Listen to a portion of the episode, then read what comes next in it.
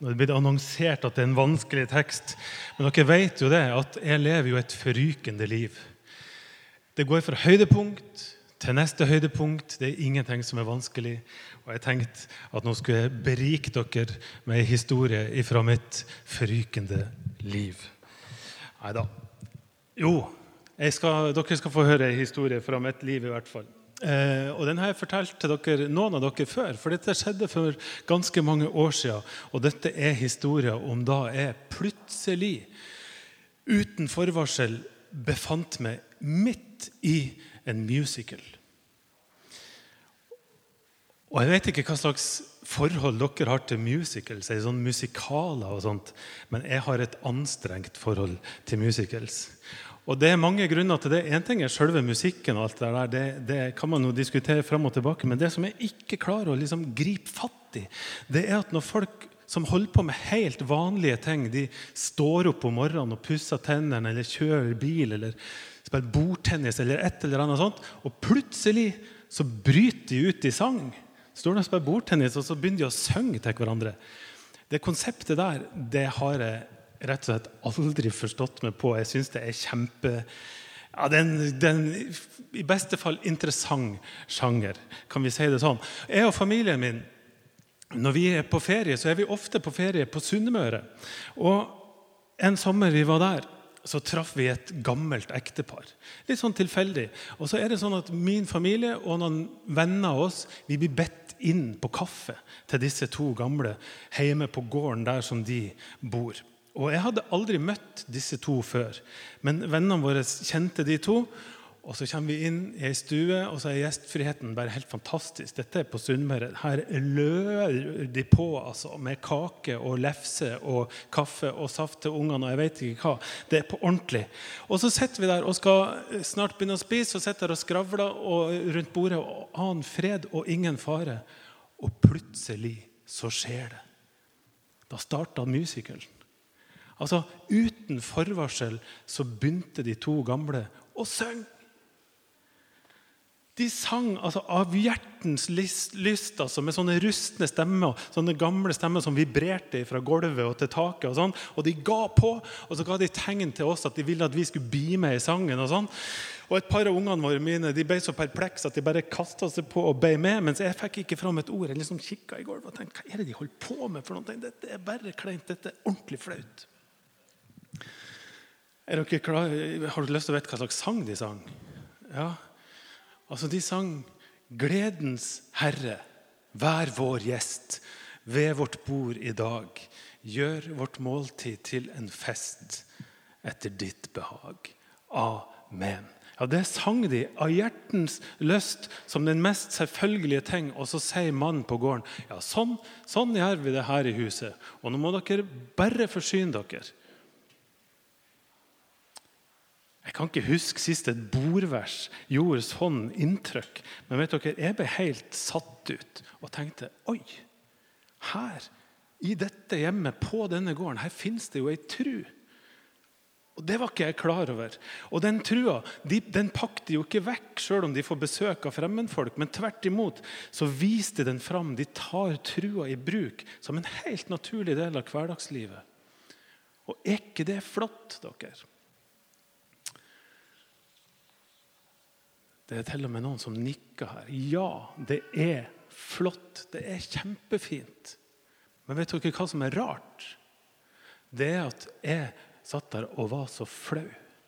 For jeg var ordentlig flau. Jeg syntes det her var ordentlig kleint. Og Én ting er at jeg sitter i den situasjonen der, og så vet de sikkert at jeg er pastor, og så forventer de at jeg skal synge av full hals, og helst med sånn vibrator som går fra gulv til tak, og sånn, og beame. Det er litt ekkelt å ha den forventninga over seg av og til. Men jeg var jo mest flau overfor vennene mine som vi hadde med der. Hva tenker de? Jeg står liksom og kikker på store øyne her. Hva er det de tenker om dette her? De, jo, de syns jo helt sikkert at dette er helt håpløst. Og De vet jo at vi er kristne, det er greit nok, men vi har jo liksom oppført oss forholdsvis normalt, syns vi sjøl, jeg og kona mi og ungene mine. Og så får de dette. Jeg vet ikke om noen av dere kjenner dere igjen i en sånn situasjon. Har dere havna i en sånn situasjon noen gang at dere har lyst til å unnskylde det som skjer, fordi det handler om trua deres. Eller i hvert fall si at selv om jeg er kristen, så er jeg i hvert fall ikke jeg like teit som alle de andre kristne. Jeg er ikke akkurat sånn som de. Og jeg står ikke for alle kristne tradisjoner eller alt som kristne driver med. Sånt. Jeg tar avstand fra en hel del. Har dere havna i situasjoner der dere tenker at sånn er det nå? Og nå må jeg få et nikk eller et nei. eller sånn, Ja, det er kjent. For Hvis jeg bomma nå på dette, hvis det var helt ukjent, så måtte jeg ha malt det ut mye fra mitt forrykende liv. Men det ser ut som dere ser altså dere vet hva jeg snakker om. Og hvorfor er det sånn? Hvorfor blir vi flau over sånne ting? Hvorfor blir vi ikke stolt i stedet? Jeg tror den ene grunnen, kanskje den eneste, det er at nordmenn blir stadig mer og mer skeptiske til kristne. Det kom en undersøkelse tidligere i år som viser at én av fem nordmenn er skeptisk til kristne. Én av fem, altså. Og Når de skal beskrive hvorfor de er skeptiske til alle som er kristne, så bruker de ord som at kristne er intolerant, dømmende og konservativ. De tre ordene beskriver da årsaken til dette. her. Og Det er jo ikke hedersord for alle. akkurat det der. Hvem ønsker å bli betrakta som en som går rundt og dømmer folk? Det ønsker vi jo ikke i kraftverket. Vi ønsker jo ikke å dømme noen. Vi ønsker ikke å være intolerant. Vi ønsker jo ikke å være kjip konservativ. Ikke at alle konservative er kjipe, altså. men vi ønsker ikke å bli betrakta som noen som begrenser livet og dømmer og er intolerant. Det er ubehagelig når denne skepsisen kommer helt opp i overflata. Jeg hadde altså besøk av en nabo en gang. Han bor litt lenger nede i området der som jeg bor. og Vi satt på kjøkkenet mitt og drakk kaffe. Og så sier han plutselig du, 'Er du prest', altså? Og Jeg hadde altså prøvd å unngå temaet hele tida. Men så må jeg jo bare nikke og si ja, det er jo sant, det. Og dette er en avslepen nordlending, til og med litt eldre enn meg. Og så sa han ja, jeg hater prester. Ja, jeg hater prester, spesielt sånne sportsprester.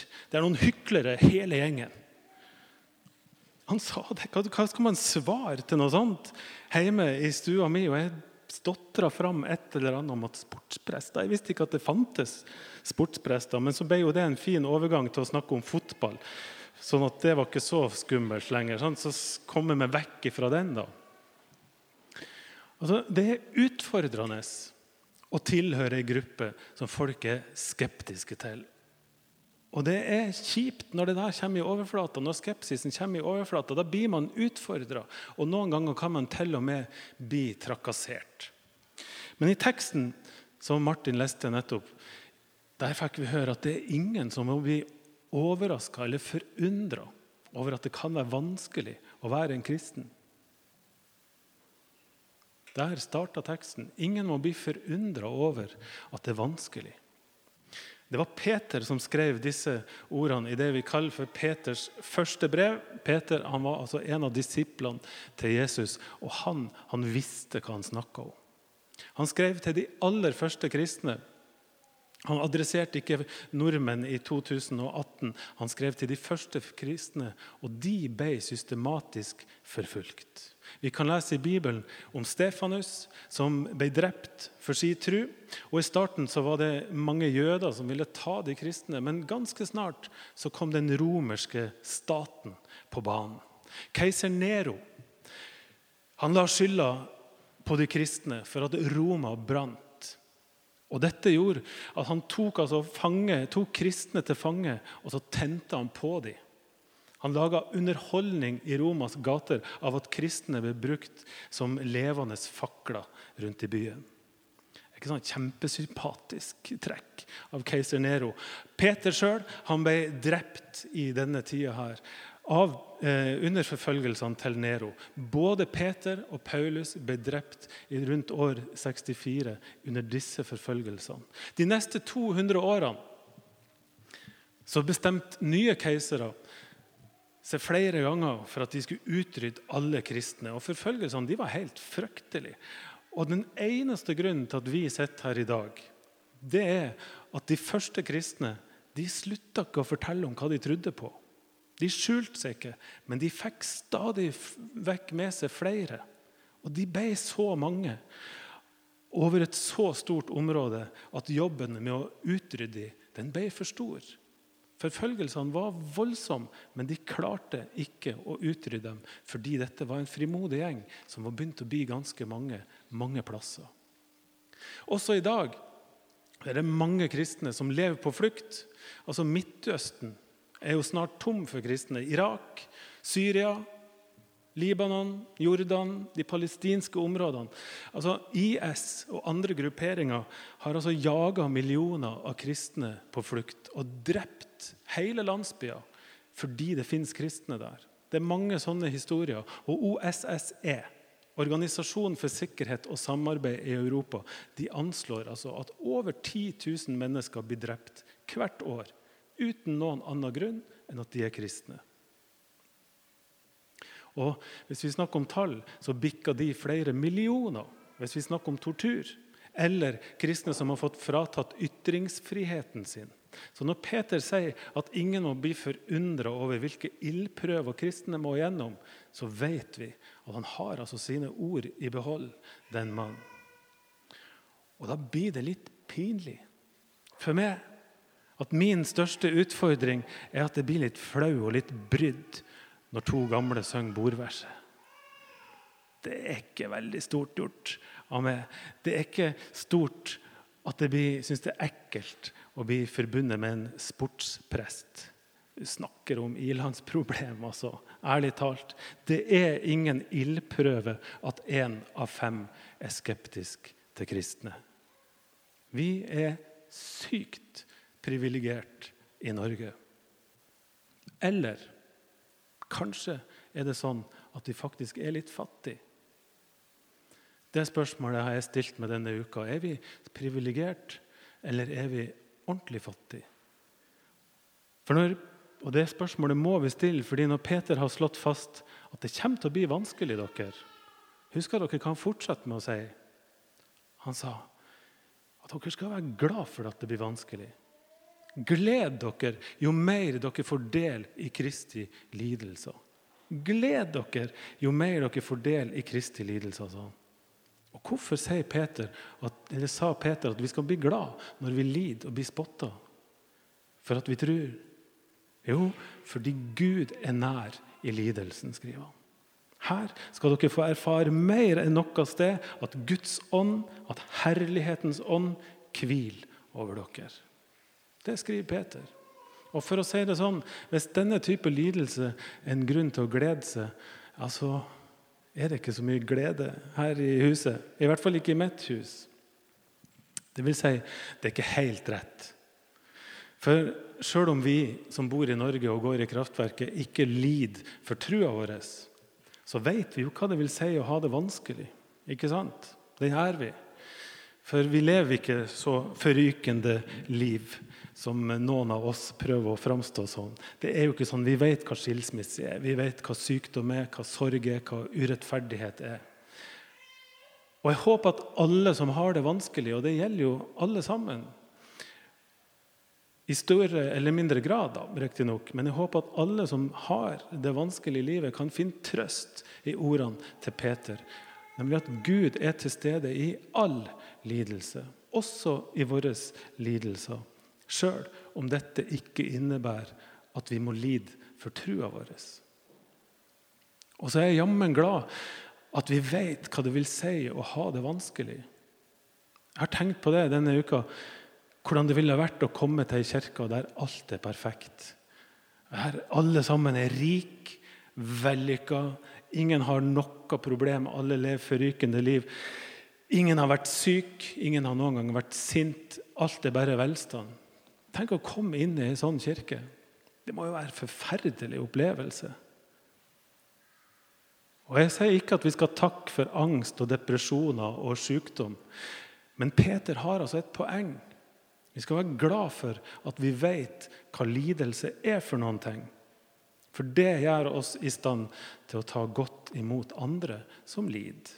Og det gir oss et håp om å kunne ha en nær relasjon til Gud. For Gud går tett, tett sammen med alle som lider og har det vanskelig.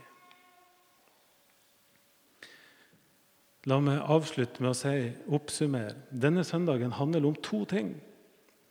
For det første så handler den om at vi som er kristne i Norge, klarer å se det, at vi har det ikke spesielt vanskelig. Dessverre. Det er en dårlig nyhet.